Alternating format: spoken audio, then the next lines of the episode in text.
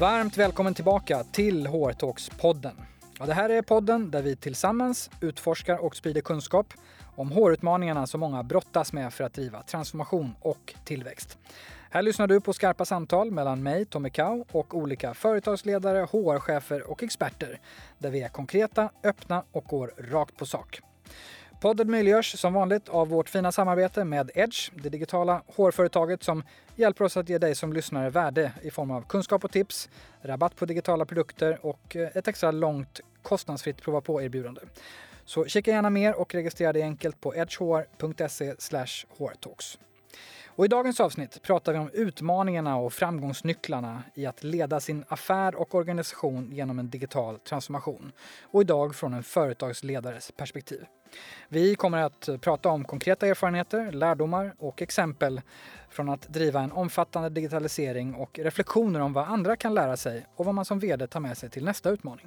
Men också såklart om betydelsen av HR-frågorna och HRs roll i att driva och lyckas med digitalisering och förändring. Dagens gäst har mer erfarenhet av detta än de flesta av oss. Hon är en av näringslivets 125 mäktigaste kvinnor enligt Veckans Affärer och har en bakgrund som bland annat sälj och marknadschef inom Unilever, marknads och kommunikationsdirektör på statliga SJ och som marknads och försäljningsdirektör på Svenska Dagbladet.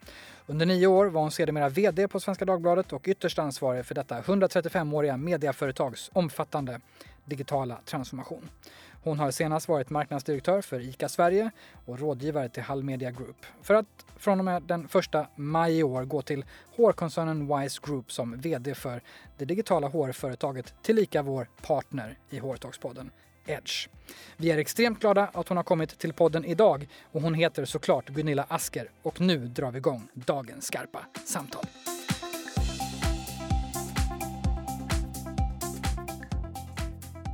Varmt välkommen till Hårtalkspodden, Gunilla Asker. Stort tack. Det ska bli otroligt roligt att prata med dig och vi har många spännande frågor och ämnen att, att avhandla. Men en första fråga, man blir lite nyfiken hur det känns att som företagsledare, vd och väldigt van att driva digitalisering nu sitta i en podd om HR-utmaningar. Det känns kul och intressant tycker jag, verkligen. För att um det är så, tycker jag, att jag har verkligen blivit mer och mer medveten om ju längre jag har jobbat hur extremt viktigt just HR är i de här stora transformation och digitaliseringsprocesserna eh, som ja, vi många, skulle jag vilja säga, har gått igenom och lett. Och många är eh, fortsatt mitt uppe i dem och allihopa nästan kan man säga fortfarande. Precis. Det går i olika vågor. Absolut och det, det är väl någonting kanske att eh, lägga till i det här för att eh, det kan ju vara så att man med slump hamnade i en bransch som väldigt tidigt gick in i den här digitaliseringen så var det ju så att ja, men då är det bara att kavla upp armarna och så är man där och så får man då förmånen att göra en, en sån resa, en sån transformationsresa. Men nu är det ju så att vi, det här med den här enorma eh, covid-19 situationen som vi alla har så att säga hamnat i så har ju alla fått en, eller är mitt inne i en transformation. Så att eh, vi har ju faktiskt lärt oss väldigt mycket på väldigt kort tid, väldigt många. Så att vi, de som har varit i branscher som var tidigt ute, vi är inte lika unika längre skulle jag vilja säga. Nej, just det, precis. Och nu har du kommit eh, till en ny bransch. Stort grattis får man passa på att säga till eh, nya jobbet som vd på Edge som vi sa inledningsvis. Mm, tack. Och alla som lyssnar eh, på den här podden vet ju vid det här laget att Edge är en viktig och god partner till oss i den här podden och varit med oss hela den här säsongen. Hur, hur känns det några veckor in nu? Jag tycker det känns jättekul och jag tycker att Edge är ett otroligt spännande företag med väldigt duktiga och kompetenta, roliga medarbetare. Och hela Vice Group är ju jättespännande. Eh, eh, så att eh, tre veckor in i jobbet så känns det jättebra. Men en reflektion också när vi preppade det här avsnittet, när man tittar på vad du har gjort och som är inledde med att beskriva din, din bakgrund så är det att du har ju gått från det ena väldigt starka varumärket till, till det andra. Från eh, Unilever och, och, och, SJ, ICA såklart, Svenskan och nu Wise som är ett starkt varumärke inom HR. Vad är roligast med att jobba med starka varumärken och kanske också mest utmanande? när man driver transformation? Ja, Eh, jag har ju haft en jätteförmån att få arbeta i sådana fantastiska företag som jag har haft. Och, och jag tror att, att det starka varumärken också väldigt, väldigt mycket att göra med värderingar som, som jag tycker är viktigt. Och, och i, i samtliga de här bolagen som du, som du nu eh, nämner så finns det ju en, en jättefin kultur bra och värderingar som jag tycker. Jag, jag säger det, jag kan, man känner att jag kan ställa mig på vilket torg som helst och sälja de här produkterna eller tjänsterna eller vad det nu är.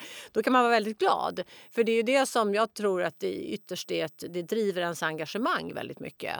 Så att jag tror också när du frågar om hur är det i transformation med de här stora varumärkena så är det klart att det kan möjligen göra att det kan vara svårare att förändra det. För det finns ju en väldigt, liksom ett sätt, så här har vi gjort det. Men samtidigt så finns det en väldigt stor styrka i det. Att, att ha ett sånt starkt varumärke att arbeta utifrån i en transformation. Så riktar man det rätt och får rätt typ av engagemang så att säga så, så kan det um, gå väldigt starkt? Ja, absolut. Jag skulle, jag skulle inte säga att det är lättare eller så, men, men eh, jag tror också att engagemanget växer väldigt mycket för att det, det blir så otroligt nödvändigt att lyckas också. Ja, just det. Mm. Och eh, jag tänkte vi, näm vi nämnde Edge. Det, det, för de som följer branschen så har det kanske inte missats. Men när du rekryterades till Edge så slogs det upp eh, ganska stort på, på flera håll. E-handelsbolaget eh, landar tungt namn och digital profil och vad rubrikerna nu var. Men man blir ju såklart nyfiken på vad du tycker med, med den erfarenheten du har. Vad är, vad är mest spännande med att gå till ett bolag som, som Edge? Där vi befinner oss nu? Ja, alltså det, Edge är ju ett helt alltså digitalt bolag som är på, på det man kallar för business to business, det vill, det vill säga säljer till människor som eh, arbetar.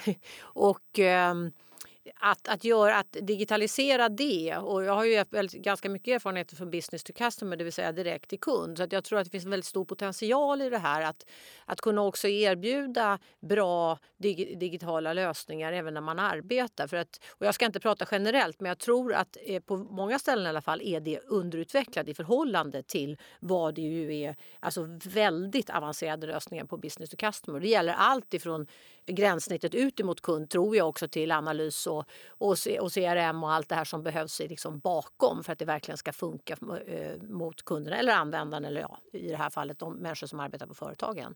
Så det är en del. Och sen är jag väldigt förtjust i Wise Group och, och de människor som jag har träffat där och det sammanhang som finns. Så att det är den, den kombinationen som jag gick igång på.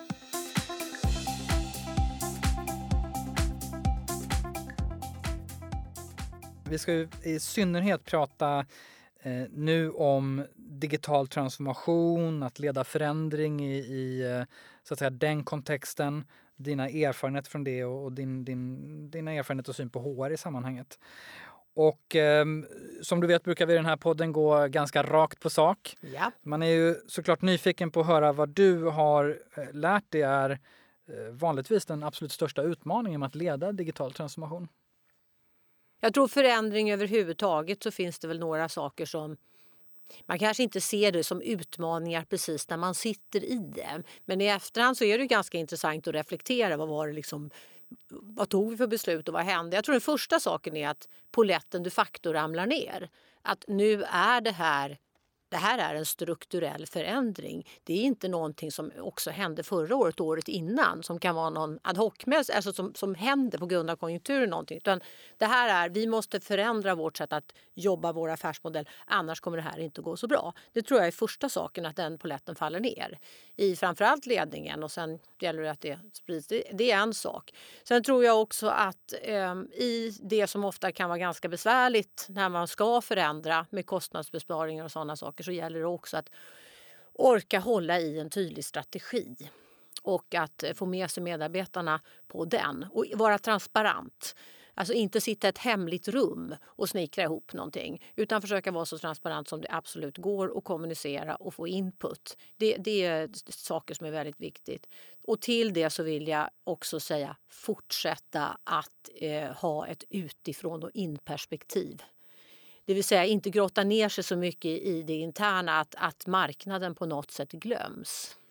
Att den största kunden helt plötsligt blir eh, sig själv eller en själv? Eller... Ja, och det, det, är ett nytt sätt att uttrycka det på. Men så, så det, det, tror jag, för det blir ju lätt att det är ju ofta ganska ja, det är väldigt tidskrävande. Det är ganska svåra saker att ta tag i och så där. Så att, att man liksom fortsätter att, att ha den blicken utåt i, i hela den här transformationen. Vad, vad har du lärt dig eh, bra tricks för att få till det där? För det, det är ju det instinktiva är att man blickar inåt och fokuserar på det man måste göra Ja. och, och få till det interna. Så där. Vad, Ja. vad tänker du är bra sätt för att eh, hela tiden hålla örat eh, externt? Jag tror att i det här med att, att se till att... Eh, ibland så behöver man kanske titta på visionen och missionen men ofta är det så att vissa saker är ändå konstanta som till exempel varumärket. Att vi tror i grunden på det vi säljer. Det finns någonting här som människor har velat eh, betala och köpa för en väldigt lång tid. Nu är det så att det, det, sa- den typen av sak ska komma ut eh, på ett annat sätt, kanske i en annan kanal. Va?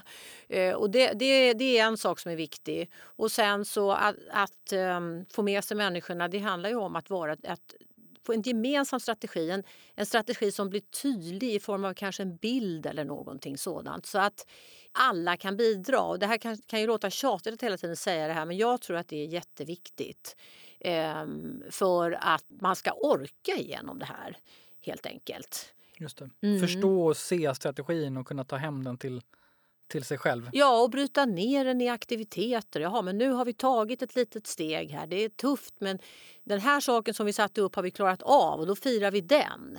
Eh, Det är en sak. Och sen är det ju ofta så att en marknad går ner generellt och det är ju oerhört aktuellt just nu. Eller hur? Alltså vi, det är ju många som har det superjobbigt nu och då får man också tror jag, tänka att det vi kan göra nu för att ta marknadsandelar på den här nedåtgående marknaden det kommer hjälpa oss enormt framåt. För då kommer vi liksom åka upp snabbare också. Så att på något sätt ha det här eh, det- hoppfulla i det hela, det tror jag också är viktigt. Och att, att man, eh, oftast så skapas det ju en kämpar, om man nu får uttrycka sig så, en kämparglöd i det här som är väldigt viktig. Och att eh, och också tro på det man gör, om man kan tro på det man gör. Ibland är det ju, det har inte jag varit med om, att, att det är en- total förändring, alltså att affären inte fungerar alls. så att säga. Men, men i de transformationer som jag har varit med om så är det mer så att det här ska göras på ett nytt sätt. För kunderna vill köpa på ett nytt sätt och då måste vi eh, anpassa oss till det helt enkelt. Men jag tänkte på en annan sak. Du har ju suttit i och sitter i en mängd styrelser. Du har också varit rådgivare till sådana som har varit i din position som du har nu, alltså vd och ledningsgrupper. Mm. Och den första saken du nämnde här kring utmaningen var att få paletten att trilla ner Mm. hos högsta ledning och beslutsfattare. Mm. Vad, vad, vad finns det för bra sätt för att få den där paletten att trilla ner har du lärt dig? Mm. På mediemarknaden så var det väldigt tydligt att det här är inte det att den där kunden inte la kampanjen under påsken som den gjorde förra året utan det här är någonting annat. Ehm, jag har jobbat ganska mycket också med simuleringsmodeller, att man drar ut kurvorna. Man tittar liksom på Ja, det här är, vår, det här är liksom mid case, worst case, best case. Och, sen, och så skruvar man på lite olika parametrar. För, och inte för många, för då blir det rörigt. Men några stycken. Och då kan man liksom få en gemensam bild om att ja, går det så här, då, då kan vi göra så här. Så att man liksom är beredd lite i förväg. Och sen är det inte säkert att det är 100 rätt ändå. Men då har man ändå någon typ av gemensam karta framåt. Så att det, det är ju liksom att verkligen inte strutsa utan se så här är det. Vad är det vi har som är liksom bra? Vad är det som funkar? Vad behöver vi förändra? Och då handlar det ju ofta om distribution av produkten, produkten i sig men också sättet att arbeta. För, det att blir kunna leverera produkten eller skapa produkten. Mm. Ja, och det blir ju det i, i, i det digitaliserade så är det ju så att silos om man har några sådana eh, alltså måste jobba på ett nytt sätt eller till och med brytas ner. Därför att den här kundresan är ju då det man säger, jag säger det på engelska för annars kan det ofta bli fel, seamless. Mm. Och det är klart att om man då har en, en, ehm, en struktur internt som gör att det finns liksom, ja, glapp emellan eh, då blir det väldigt svårt att leverera det. Du måste vara, ska du vara seamless extern måste du vara seamless internt. Ja, och, och det, man får inte överdriva det, men i alla fall vad det gäller liksom i de här kund, alltså tekniken, säljet, marknad, de här delarna, analysen.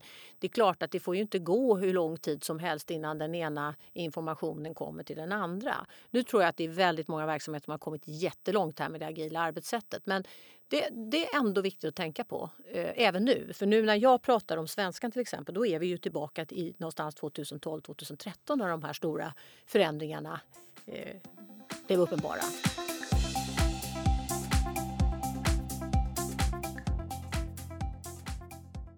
när man läser på om den omställningen, dels så var det Mm. många av oss, inklusive lyssnarna, som var, var med då och kunde läsa Mm. och se. Men när man läser på så går ju rubrikerna lite från eh, sparpaket, förändringar, missförtroendeförklaringar mot ledningen till eh, lite annan tonalitet, noll resultat, ny betalvägg, affärsmodellerna kommer till högsta resultat någonsin, rekordresultat, SvD skördar digitala framgångar, SvD ökar marginalen. Med lite perspektiv sådär, vad, vad, vad krävdes under de här åren och vad, vad var det ni var igenom egentligen? Ja, alltså med perspektiv så när du läser upp allt det där så ser jag faktiskt en väldig ödmjukhet måste jag säga för det fantastiska team som fanns och som genomförde det här. Det var ju verkligen ett, ett teamwork och det, det tror jag är det var en väldigt tuff höst 2012 med väldigt duktiga medarbetare som, som då eh, dessvärre fick lämna. Det, det är tungt alltså. Och eh, för att vi var tvungna att få ner den här kostnadsbasen helt enkelt för att klara det här. Och sen i det också att, att eh, sätta en tydlig strategi, hålla kvar i den, de här simuleringarna som jag nämnde till exempel. Men också väldigt stort kundfokus.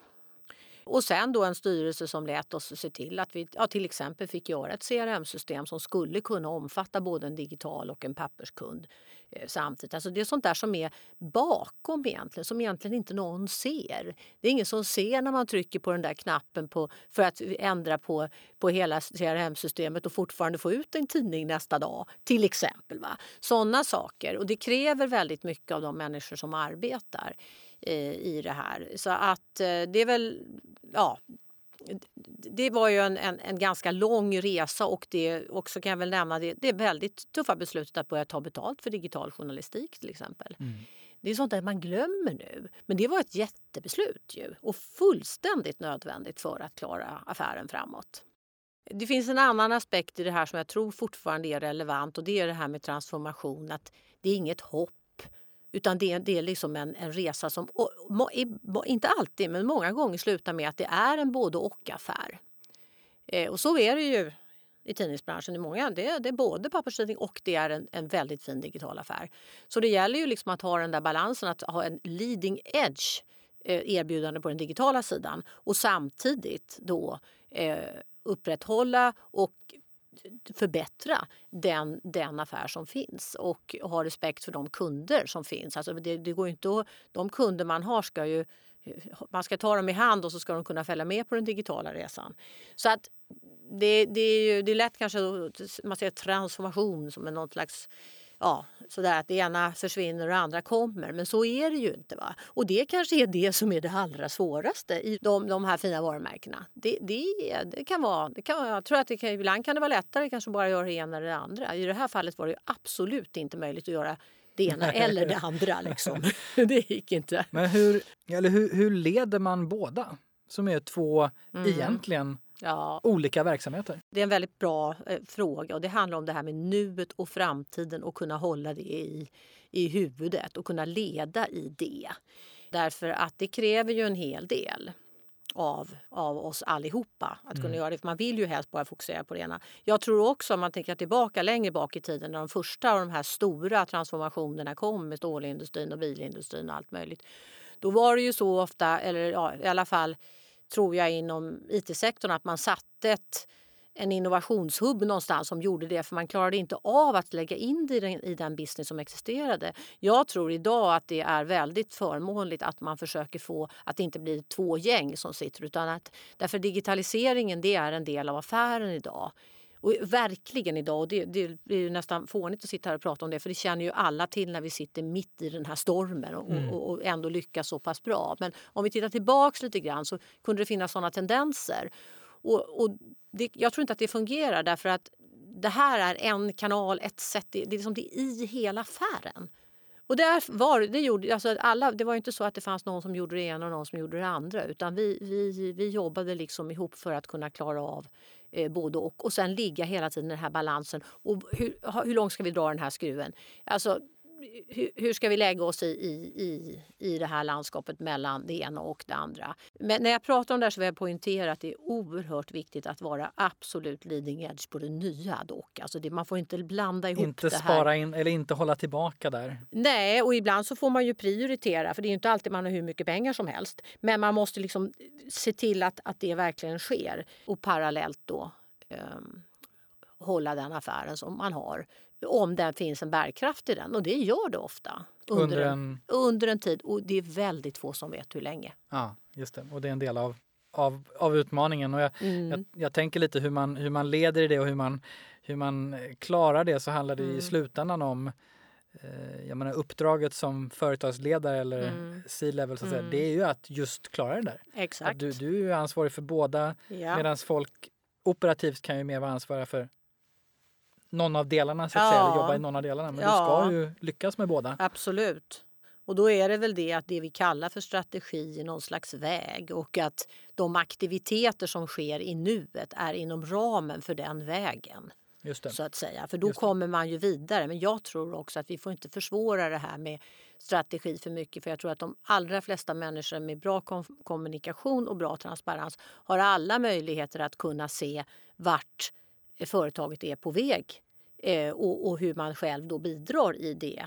Det, det tror jag är, är, är någonting som, som eh, många människor, i, alltså i företag, att man liksom alla, alla ser den röda tråden så att säga.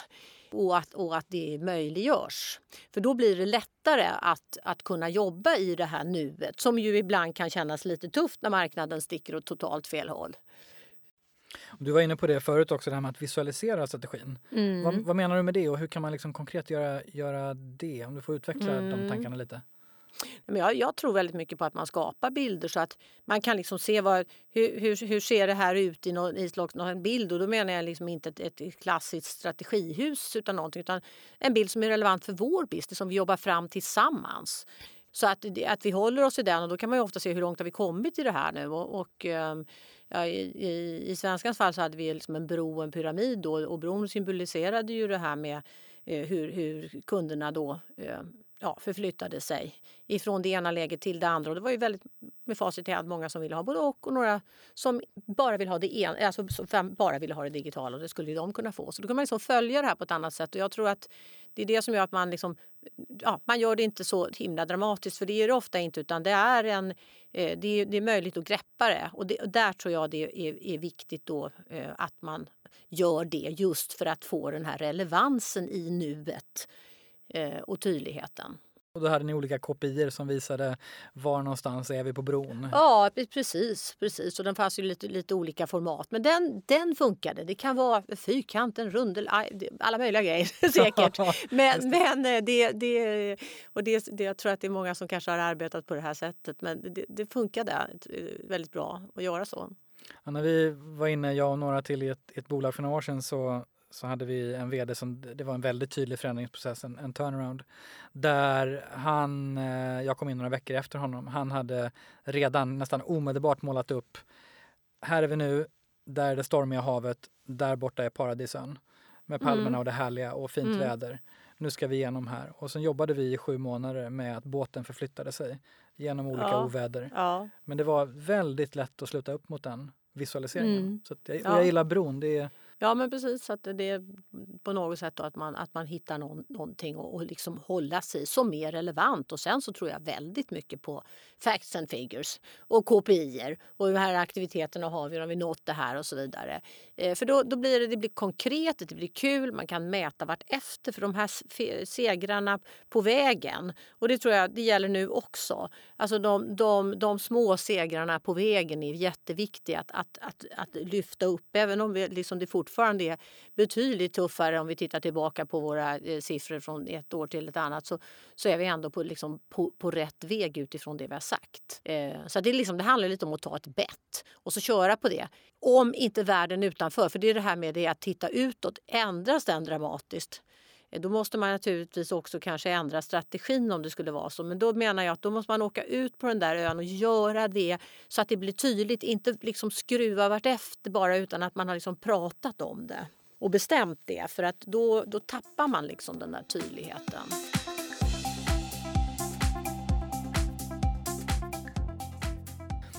Apropå tydlighet, du mm. kom ju in i vd-rollen. Du på svenskan mm. och du har mm. ju känt bolaget under några år. Men du, mm. eh, när vi pratade inledningsvis så sa du att du någonstans handlar om att förändra ett 135-årigt företag som hade gett ut en tidning till att det skulle bli någonting mer. Liksom, vad, vad möttes du av när du fick det här uppdraget att du skulle göra och så att säga de, de faserna ni gick igenom där? Det skulle vara jätteintressant att höra. Ja, alltså jag hade ju förmånen där att komma in redan 2005 som marknads och försäljningsdirektör. Så när jag blev vd 2009 då hade jag ju lärt mig affären. Eh, så att det hade jag ju med mig och framförallt, och det är ju det som Edge eh, sysslar med också, prenumerationsaffären. Och den är ju inte, det är inte svårt på något sätt, men det är inte lika intuitiv kanske som, som en, en del andra affärer. Så att det, det, tycker jag det var väldigt skönt att ha med sig det när jag fick det här uppdraget. Och sen fick jag det uppdraget 2009 och glad i hågen därför 2010 så hade Svenska ett av sina bästa resultat i modern tid. Så det var ju fantastiskt. Så vi var till och med ute och fira det här. Eh, men sen började det ju krypa lite grann 11 och sen 12 då så sa att då följde ju poletten ner att det här är en strukturell förändring som heter duga. Mm. Så att det var väl liksom på något sätt att jag alltså fick fick uppdraget om transformation det var mer att det här är fait accompli alltså nu. Mm. det. det. är liksom så, så inte det riktigt... Det kom inte riktigt så heller skarpt från början? Nej, alltså utan... det är klart att man visste väl kanske att tidningsbranschen hade det tufft och annonsmarknaden, men det var ju ändå inte, och vi hade vår sajt och, och så vidare. Men, och det är klart att annonsförsäljning, det, det är ju alltid, har ju alltid varit, ja, det är riktigt, jag vill ge dem cred de här annonssäljarna, det är riktigt, då får man lära sig riktig försäljning, jag säga. Men eh, alltså att Facebook kom till Sverige, om jag inte minns fel, 2006. Alltså det, det är ju på det sättet en, en, ganska klassisk, vad man kallar för disruption då. Med att det, blev, det tog ju ganska år innan det blev uppenbart att Google och Facebook var stora konkurrenter på den här marknaden, framförallt till annons. Så att eh, för att liksom vilka steg var det? Ja, för det första, det var det jag nämnde, det var liksom insikten om det. Sen var det att gå igenom och titta hur det ser ut nu i nuet. Vilka liksom kostnadsbesparingar är vi dessvärre tvungna att göra? Och det är ju då de, det här du nämnde med de, det som kom då. Och, och eh, ja, det var ju ganska eh, besvärligt eftersom det var, vi hade haft väldigt fina resultat och så kom liksom det här. Så det var de delarna. Sen var det ju att, att liksom titta på marknaderna, kundernas behov. Eh, det här fantastiska varumärket som vi ändå hade i ryggen, alltså med, ju med den här kvalitetsjournalistiken, att det här måste bara gå. Ja, och sen då se till att få med sig eh, människorna. Vi hade mycket, vi hade, hittade på en, en annan mötesstruktur till exempel. Okay, som vi jobbade med. Ja, alltså att vi istället för att samla alla eh, medarbetare så jobbade vi med att vi eh, inom media är det ganska så att chefredaktör framför allt men även vd talar inför medarbetarna med jämna mellanrum och då gjorde vi så att vi eh, såg till att vi istället för att ha ett möte så hade vi flera möten med samma dragning så att vi kunde dela upp eh, medarbetarna. Det fanns möjlighet att ställa frågor på ett helt annat sätt. Än, och nu ska vi säga att journalister ställer frågor ändå, även i stora forum. Det är väldigt underbart. Ja. Men att vi ändå gjorde, vi gjorde den typen. Och sen så tror jag en sak som jag eh, inte har nämnt men som också är jätteviktigt. Att det är ju det att en ledning kan aldrig göra det här ensam. Utan och då har jag haft personer här som har haft jättestor, massor med medarbetare. Jag tycker det var väldigt intressant att lyssna på. Att de här, alltså cheferna under, de är ofantligt viktiga. Att jobba jättetajt med. Därför att det är ju där som det sen kommer att ske. Och sen, eh, så att all, alltså det, det, är där man får den här kommunikation, dialogen skulle jag vilja säga, som är så otroligt viktig. Eh, så att eh, jag tycker att eh, i alla fall vad det gäller de här transformationerna jag har varit med om så vill jag verkligen ge cred till, till de här mellancheferna och medarbetarna för det är liksom där det sker. Och det, det gäller verkligen att se till det för det går, jag skulle säga att, att stå som ledning själv i de här stora processerna, det går ju liksom inte. det blir ingenting. Vad minns du som det allra svåraste och tuffaste inom resan att leda en så omfattande digital transformation och också som, som också pågick under, som du sa, det är liksom inget hopp utan det är en, det är en process. Men svåraste besluten eller tuffaste grejerna som, som ja, med jag, jag, jag, tror den sommaren 2012 när vi, när vi tittade på de här kostnaderna, det var ju liksom det tuffaste. Det tror jag att det är ingen ledare som tycker att det är den typen av, av insikter och då sen beslut som, som måste tas här. Det är ju väldigt, det är väldigt tufft. Så det, det tycker jag. Och sen var det väl också liksom eh, orken i en del av de här kanske lite mer, mindre glamorösa processerna så som att få ihop kundbaser och sånt där. Va? Och, och motivera. Men, men det, det, det gick bra. Men det, det gäller ju liksom att ha ordentligt uthållighet skulle jag vilja säga i den typen av, av processer. Det är det här med liksom källare och, och våningar och, och vissa nystan, eller jag kallar det för nystan, men jag skulle säga trassel. Eh, I strategi så tror jag att det är visst trassel som kan finnas någonstans som måste liksom nystas upp för det går inte att surfa bort det. Eh, därför annars kommer det hela tiden komma tillbaks. Ja, just det. Så göra ordentligt. Ja, och det är ibland så att man måste göra saker parallellt också. Men om, om det finns någonting sånt, eh, ja det kan vara, det kan till exempel vara kundbaser som är i oordning eller det handlar ganska ofta om olika typer av av IT faktiskt, mm, tror jag idag.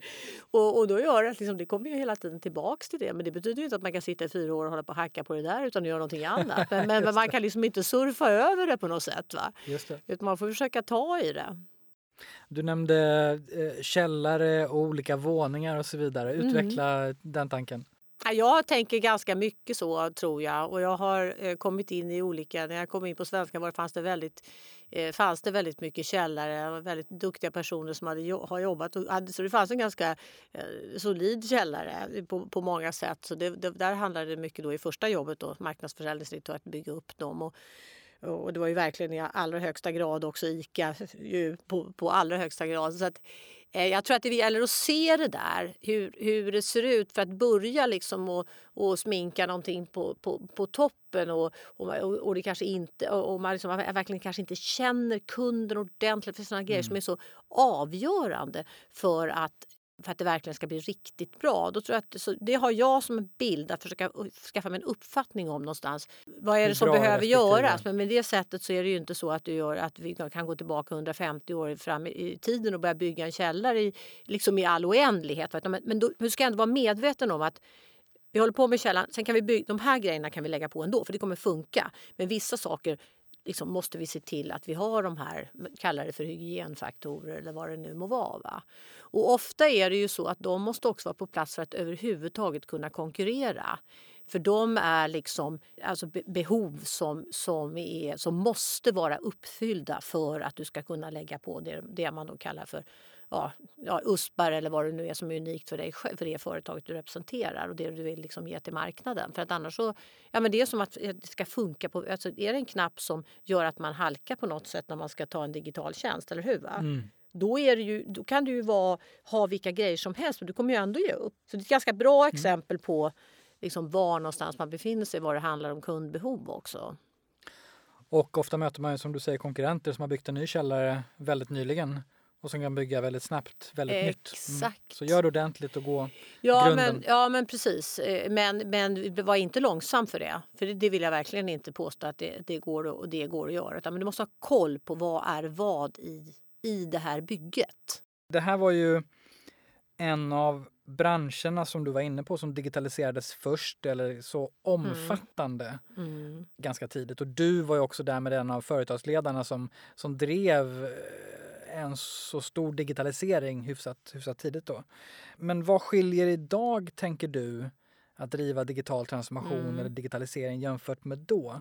Jag tycker det är en jättebra fråga. Liksom här kan man ju också säga att vi då, vi, man måste veta vilket sammanhang man befinner sig i. För nu är ju vi liksom, vi är åtta år senare nu. Och nu finns det ju en kund där ute som är van vid någonting helt annat. Mm. Så det beror ju på lite grann var man befinner sig. Men det går ju liksom inte att börja, man måste ju börja där marknaden är.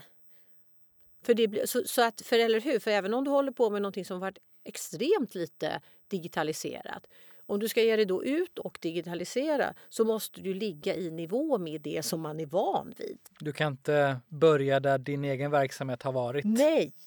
Så att på det sättet så, så tror jag ju att det är det beror på var du befinner dig. Du, vet, du har lättare kanske att se målbilden, för den är där ute någonstans förmodligen. Det var inte säkert att den fanns. Men däremot så är det ju alltså själva transformationen och få människorna på båten och, och liksom få det här draget. Det blir ju mycket mer bråttom skulle jag vilja säga. Mm. Ändå. Du har liksom inte, och hade du så många månader på dig så har du liksom så pass mycket färre nu. då.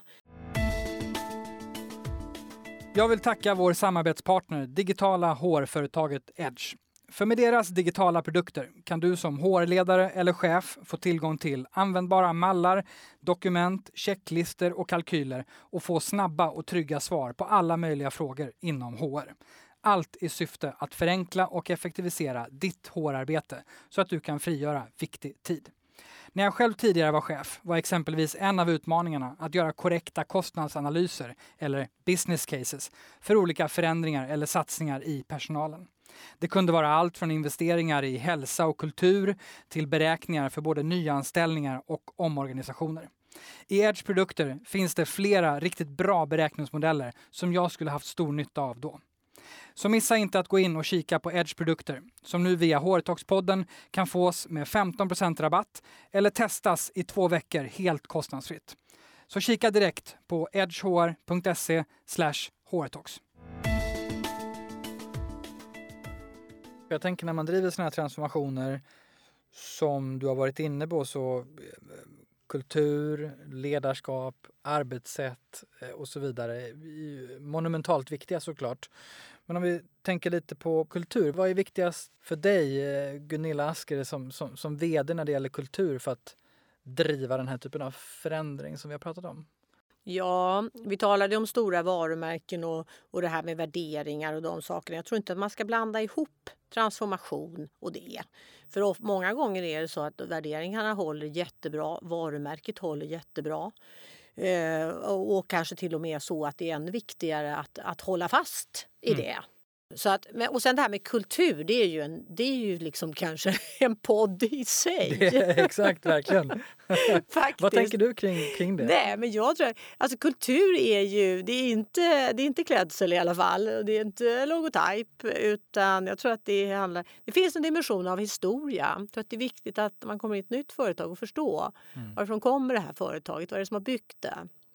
Vad var det som var vikt, riktigt viktigt? Bakåt. Den Just saken är viktig att förstå. Sen Vad är det som har premierats historiskt? Och, ja, och mm. det kan vara händelser också som har varit sådana där liksom, eller hur det har formats och sådana saker. Det är inte som man ska sitta och grotta ner sig, men jag tror att det, är lite bra att ha lite koll på mm. det.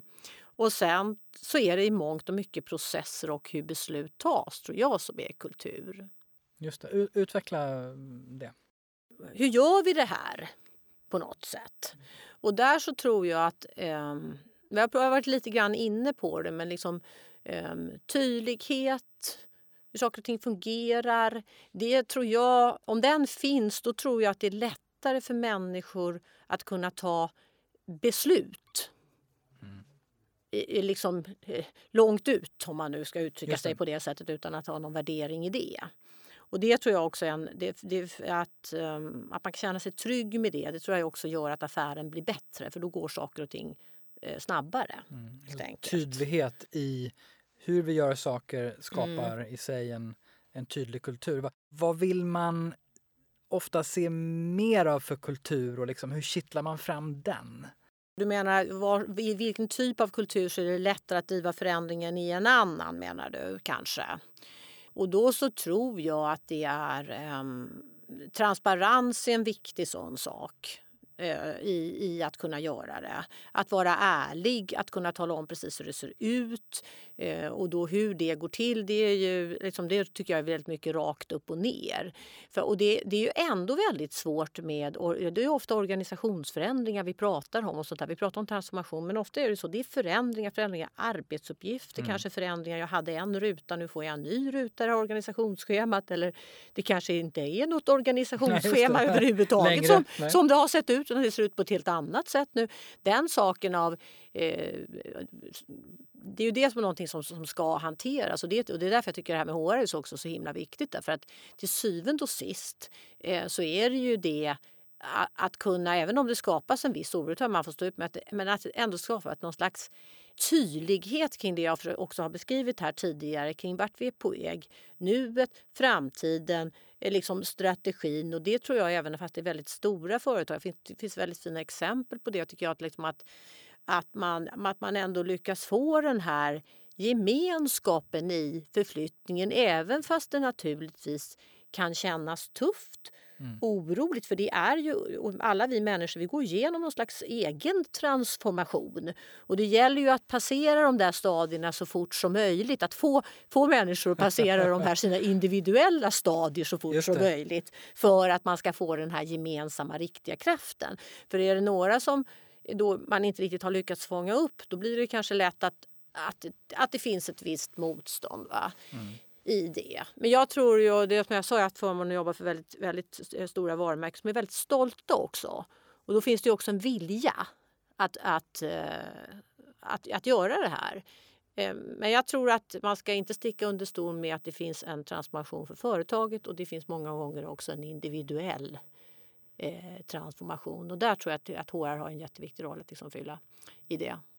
Är det mer tydlighet som, som krävs och räcker eller jag tror att det är dialog faktiskt. Och jag, min erfarenhet, och det tycker jag är en av de roligaste grejerna, det är ju att se att när, man, när människor får ansvar, när man ska, om man har till exempel sålt, och jag har sett flera jätteduktiga annonssäljare till exempel och andra också, att man har sålt kanske till exempel en papperstidning och nu ska man sälja ganska komplicerade digitala lösningar och det går hur bra som helst. Och det är mm. det jag menar med det här med att få vara i sitt flow. Om man nu, det är ju lite kanske ja, inte superlätt uttryck, men jag, jag tror väldigt mycket på detta. Att, att liksom människor som får växa och som får chansen, det, det kan, ju få, det, det blir, kan ju bli ofantligt bra.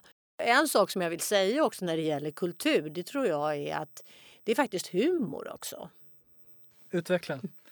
Jo, men jag tror att när det skapas den där eh, armkroken eller ja, kalla det för tillit eller vad du vill, att med, med liksom respekt för, för varandra, då, då finns det också en i, i, allt det här jobbiga att det, att det finns en någon slags eh, ja, alltså gemensam, vad ska man säga, man måste kunna ha den där humoren på något sätt. Mm, avdramatisera. Ja, det är kanske, tack. Det, det, det är lite det jag menar. ja, det, det hör hit på något sätt tycker jag.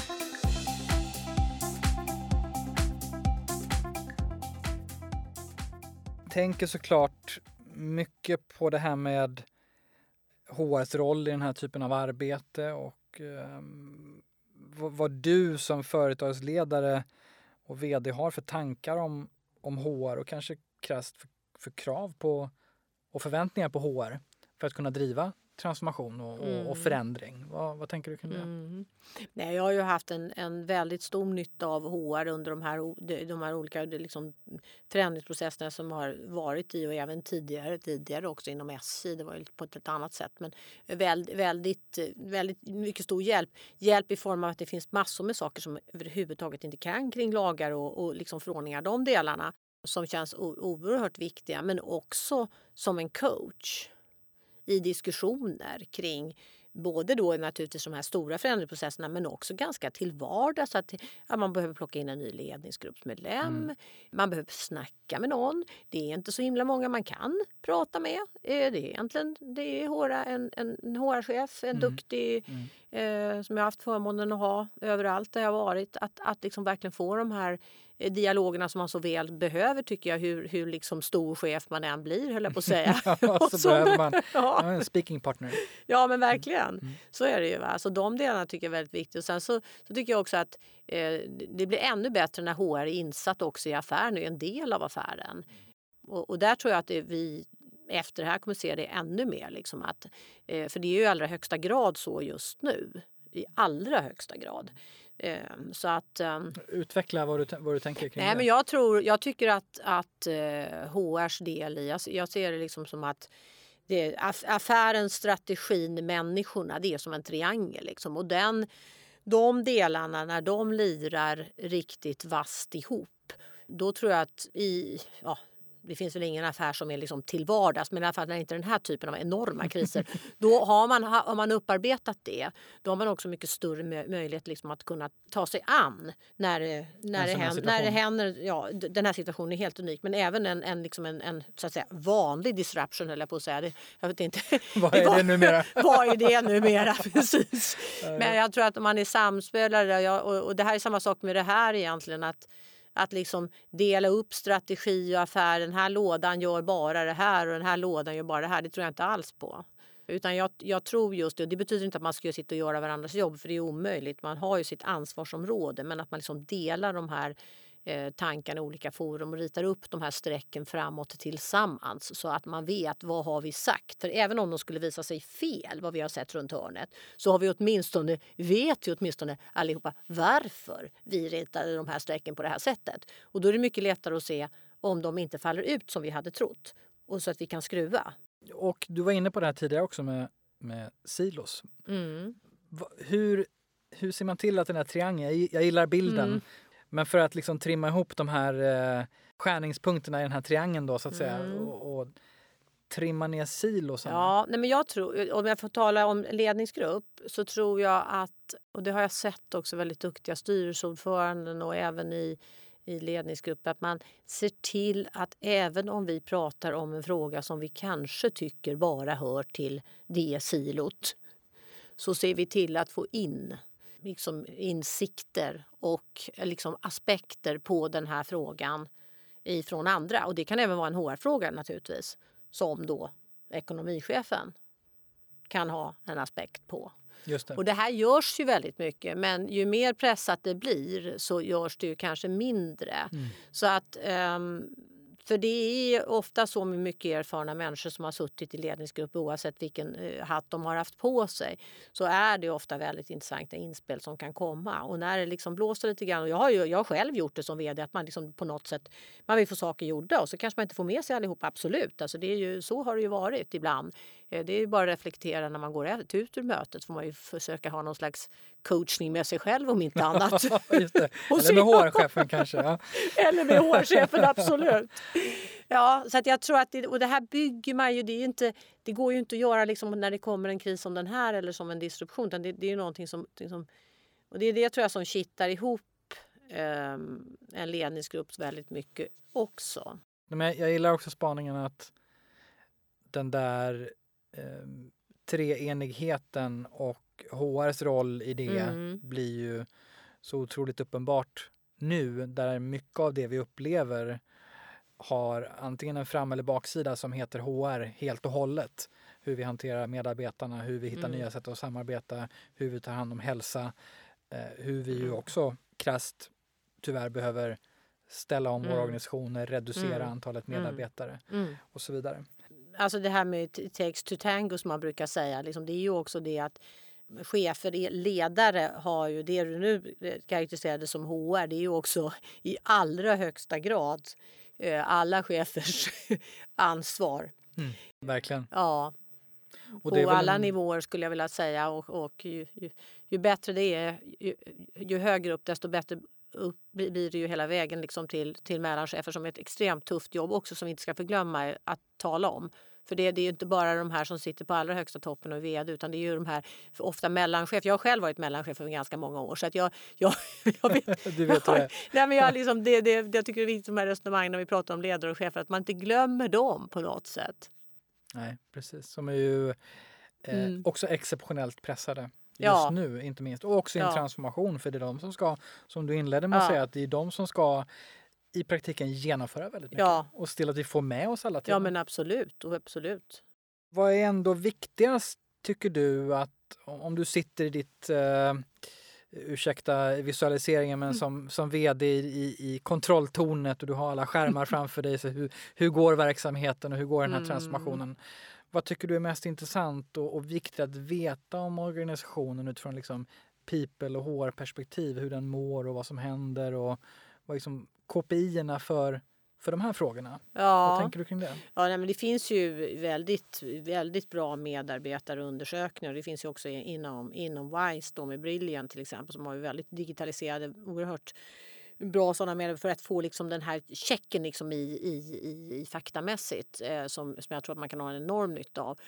Jag, jag tror att liksom, samarbetet mellan människor, just det här som jag också sa, liksom, att känner, känner, det är väl, men känner man att man har det mandat som man behöver ha eller är det så att det stoppas upp en massa mm, grejer? Mm, mm. Det eh, som KPI? Alltså, ja, hur, sitter hur är jag, den känslan? Och är det i så fall jag som sitter som en bromskloss? Eller var är det någonstans? Eller vad mm. beror det på? För jag tror att, och det är möjligt också, det är väl mycket man försöker hänvisa till den här krisen och det kan ju vara fel på sätt och vis. Men jag tror liksom den här möjligheten att kunna agera snabbt internt, liksom, den kommer att bli viktigare. Eh, och den, den har, det, det, har accelererat och, och där så, så, tror jag att det är lång, alltså, interna processer som av någon, av någon anledning måste ske behöver redu ska reduceras. Och, och det tycker jag är viktigt som, som, som vd. Att, att liksom få kläm på det. För, det. för det första mår inte människor bra, det är en sak. Men sen ja, blir affären också lidande av det. Så det, det är ju de, de sakerna i kontrolltornet, den, den skulle man... Och den kan ibland ta tid, tid innan man kanske ser. Och få en känsla kring. Mm, mm. Absolut. Och, mm. Men som du också nämner så finns det idag lite andra verktyg för att försöka fånga upp det och sen är det ändå svårt. Men liksom Absolut, ändå... Nej, men det tror jag det är som vi sa det här med digital med, med datan. Alltså det måste man ju nästan ha för att ha någon koll. Utan, eller hur? Du, du, det, det, det, tror jag verkligen och det, det tycker jag är, där har ju så skett en jättesnabb utveckling också och dessutom att man kan mäta kontinuerligt, alltså inte en gång vartannat år så gör vi den här undersökningen Nej, utan man har de här eh, pulsundersökning till exempel som, som löper på. Ja, det känns mm. nästan som en epok sedan då vi gjorde ja, det vart, vartannat ja, ja, år. Ja, Men just det där som också en KPI för att få en känsla av hur snabb är organisationen? Ja. Den gillar jag. Och, och den här reflektionen i, okej, okay, var, sitter, var sitter bromsen? Är det jag mm. ja. som är bromsen eller ja. sitter den i någon process? Eller hos medarbetarna själva kan det också sitta. Och den kan precis. vara upplevd eller faktisk. Just det, precis så.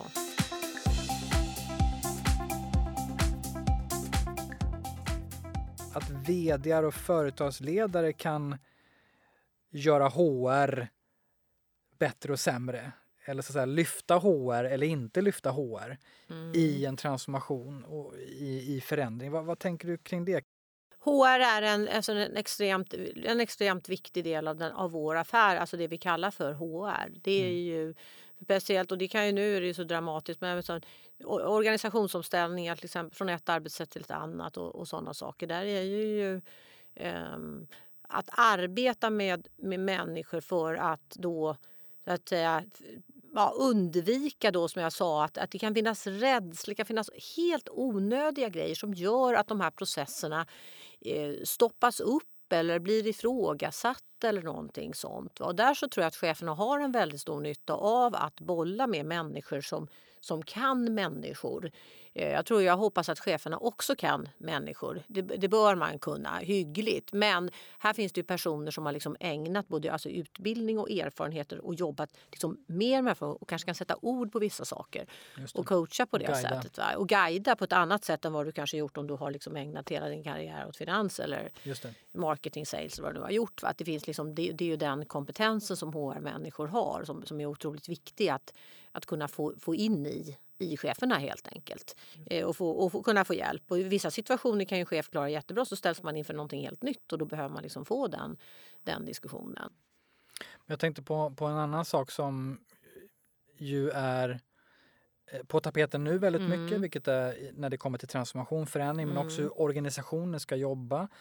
Eh, det är ju styrelseperspektivet och styrelsenivån mm. som i slutändan kravställer vd och ledningsgrupp. Och du har ju suttit i, i, i många styrelser som sagt och, och, fortfarande i ett gäng styrelser.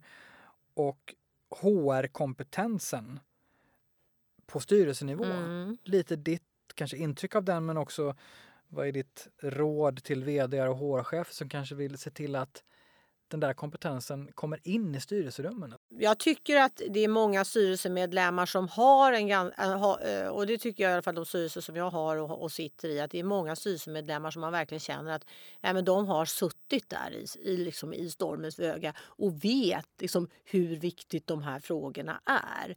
Så att, att jag, jag tycker, tycker ändå att det kommer upp liksom frågor med en, med en avcheckning kring det här och, och att liksom inte det får, får skymmas på något sätt. Eh, så att det är, det är i alla fall min erfarenhet. Men i de fall det inte skulle göra det utan vi, att man tror att liksom det, det, är bara att köra på med gasen i botten och att det, de här sakerna inte överhuvudtaget är viktiga.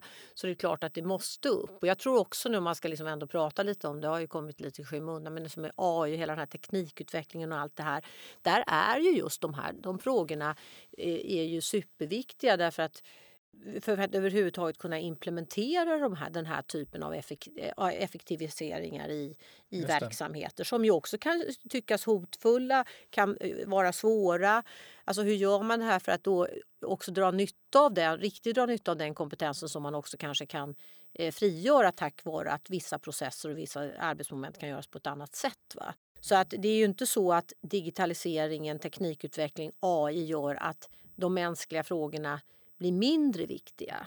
Utan för att verkligen kunna få kraft i de investeringar som då görs i den här i form av AI till exempel och andra saker.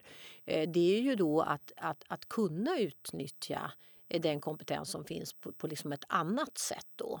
Och där, där den kanske kan göra mer, där den gör mer nytta ur ett affärsperspektiv. Ja, det är snarare eh, nästan tvärtom att eh, på baksidan av digitaliseringen och AI-fieringen mm. och att de mm. frågorna kommer högt upp i styrelsen så ökar ju snarare behovet att prata om HR aspekterna eftersom vi antingen kommer behöva reducera antalet medarbetare kraftigt ja. eller ställa om vår kompetensmix totalt. Precis. Och mm, du har hela etiska aspekten också i hur AI och andra... Ja, du har hela den aspekten ja. som ju också är jätteviktig. Ja. Nej, men jag tror det, så ju, liksom, oavsett vilket, vilket håll eller vinkel som journalisterna hade sagt, man tittar på det här um, så, så, så, så, blir, så blir det här väldigt väsentligt skulle jag vilja säga. Och det är, som, det är en av de delarna som jag tycker är så intressant att komma in i, i både Edge och Wise nu. Att det, det är ju det som, det finns oerhört mycket kompetens kring de här frågorna i den koncernen. Vi har fått in några lyssnarfrågor. Ja. Vi kan lyfta in mm. dem. Vi har fått en fråga från Tina Sörqvist som ju är en eh, giggar och interims HR-person inom, inom People and Culture. Hon har en fråga. Vad tror du Gunilla att digitaliseringen gör med, med våra traditionella HR-roller, liksom traditionell HR? Mm. Vad, vad tänker du kring det? Jag tänker att om, om det att där smarta digitala lösningar kan, kan användas för saker som, kanske sker manuellt idag och som tar en hel del tid så tror jag, så tror jag att det finns en mycket större möjlighet att kunna eh, utnyttja då den eh, kompetens och eh, kreativitet som finns inom eh, HR för att då kunna liksom använda den där den då verkligen behövs, det vi har diskuterat tidigare. Liksom, ja, kring coaching, kring tänk, kring grupper. Och och ja, hur till exempel man genomför det vi kallar för organisationsförändring som ju egentligen är någonting man måste göra därför att marknaden ändras. Det är ju ingenting man gör för sakens skull utan man gör ju det för att man ska kunna få en bättre effekt i sin affär egentligen. Det är viktigt att komma ihåg. Sådana saker där jag tror att det, så, den typen av processer då kan gå fortare om, den, om en sån kraft kan, kan frigöras. Mer organisations och affärsutveckling ja. på, med, med, sina verktyg så att säga ja. som HR. Ja, mm. därför att jag, jag, jag, tror att det går en hel, en hel del tid åt liksom hammare och spikar man ska kalla det för som mm. kanske då är egentligen onödigt. En annan fråga som mm. har kommit mm. in från Ann-Charlotte Billing. Hon är då um, bland annat före detta HR-direktör på King.com och fram tills nyligen HR-direktör för Apollo Travel Group, också tidigare gäst i podden. Hon var nyfiken på att höra hur du som vd i ett HR-företag eh, kommer se till att HR och marknad maximerar sitt samarbete. Eh, och kanske då också hur du har gjort det tidigare, så hur du ser på mm. den relationen och det mm. samarbetet. Mm. Ja, men det är en jätteintressant fråga. Jag, där skulle jag vilja liksom kanske ankra lite grann i varumärket som sådant. Därför att det är ju det är egentligen en del av hela, för, det är ju hela företaget egentligen. Men många gånger så kan det ju hanteras på en marknadsavdelning ibland en HR-avdelning, men det är rätt ovanligt. Men jag tror att det ska finnas liksom i en, i en mix mellan dessa. Därför att varumärket finns bara i kundens huvud, i min uppfattning. Och det skapas där genom alla det som man då kallar för touchpoints som kunden kommer i kontakt med från detta företag. Och det är ju allra högsta grad väldigt många gånger mänskliga kontakter. Det kan vara allt ifrån kundservice till alla möjliga kontakter med eh, eh personer som då representerar det här företaget. Så, så, att jag tror att just det ur, ur, ur varumärkessynpunkt och för att verkligen få det här tydligheten och de värderingar man vill ha så är det jätteviktigt att, att HR och marknad eh, samarbetar. det, har jag, det, har jag, det, har jag tyck, det har jag tänkt på ganska länge, många år tillbaks egentligen. Att eh, det, det är verkligen ett sätt att, bli, att få den här tydligheten i sitt varumärke. Mm. Eh, och det går ju också ut i kommunikation och sådär. Så det, det är rätt spännande att fundera på på hur det blir om det inte om det jobbas i silos. Mm. Med de två delarna. Då kan det inte bli... Då, då, det kan nog vara ganska besvärligt och bli allt mer besvärligt framåt utan att istället försöka jobba tillsammans. Och där eh, gäller det också att bryta ner det här språket för vi som då är marknadsmänniskor, vi har ju HR-människor också ska jag säga, vi har ju en väldig tendens att, att börja tala i i ganska mycket termer. Lingo. Precis. Ja, Brand positioning statement ja, och sådana saker som man kan ställa. alla möjliga grejer som man kan, som man kan prata om. Alltså, som ju egentligen handlar om marknaden, om kunder, vilka vill vi vara, hur ser vi till liksom att eh, det, man, man vet ju det att eh, bra medarbetarundersökningar speglar jätteofta väldigt höga eh, kundnöjdhet. Mm. Det, går, det går ju väldigt, väldigt ofta hand i hand. Det. Och det tycker jag egentligen är svaret på frågan. Mm. Så förenkla för att kunna samverka och samarbeta. Mm. Koppla ihop den datorn du har om medarbetare med den datorn du har om varumärke mm. och kund, kundnöjdhet. Mm. Och hitta gemenskapen i varumärket. Att det är den som båda representerar och ska både skicka löften kring och införliva. Mm. Absolut, det är ju det. Eh, för till syvende, alltså verksamheten, den verksamhet man gemensamt bedriver är ju i alla fall en kommersiell verksamhet är ju eh, att vi vill skapa något, ett, ett, ett, ett, liksom ett riktigt vasst värde till våra kunder och ett bättre värde än de konkurrenter vi vi slåss med. Eller, ja, det är inte alltid man vet vilka konkurrenter man har. Ofta har man ju andra än vad man tror också. ska man se upp med. Men det, det ska man också ta hänsyn till. Eller hur, va? Men alltså, det är det som det här handlar om. ju. Mm, eh, och därför så blir det en väldigt viktig koppling. Vi ska avrunda Gunilla och tänker att du ska få ge dina sista och eh, kanske viktigaste medskick till lyssnarna på dagens tema digital transformation. Vad vill, vad vill du ska vara sista medskicket och budskapet? Se, se digital transformation som affär. Och eh, med allt vad det innebär med medarbetare, eh, med marknad, med kunder, glöm inte dem. Eh, jag ser att digital transformation är in, inte någonting som är eh, speciellt och unikt utan det är din business tillsammans med den du kanske redan har. Stort tack Gunilla Asker för att du ville vara med oss i HR-talks-podden. Enormt roligt att ha dig här. Grattis till nya jobbet återigen och, och kul att två och en halv vecka in få, få ha dig här i, eh, i podden för att prata om digital transformation och HR. Stort tack för att jag fick vara med i den här podden som jag tycker är jättebra. Tack så mycket. Ja, det var ännu ett skarpt samtal i HR-talks-podden. Stort tack till dig som lyssnat och gillar du podden får du som vanligt hemskt gärna prenumerera på den och betygsätta den i Apple Podcast och Spotify. Följa oss, det kan du göra på Hårtalkspodden på Instagram och LinkedIn. Och jag vill självfallet tacka som vanligt vår samarbetspartner digitala hårföretaget Edge som är med och möjliggör att vi kan utforska och sprida kunskap via den här podden varje vecka. Kolla in deras rabatter och prova på erbjudande på digitala HR-produkter på edgehr.se hrtalks. Hortalkspodden ges ut av Cow Company, produceras av Mediemera och du hittar som vanligt all info på hårtalks.se Nästa vecka kommer ett nytt färskt avsnitt. Tills dess, ha det bra!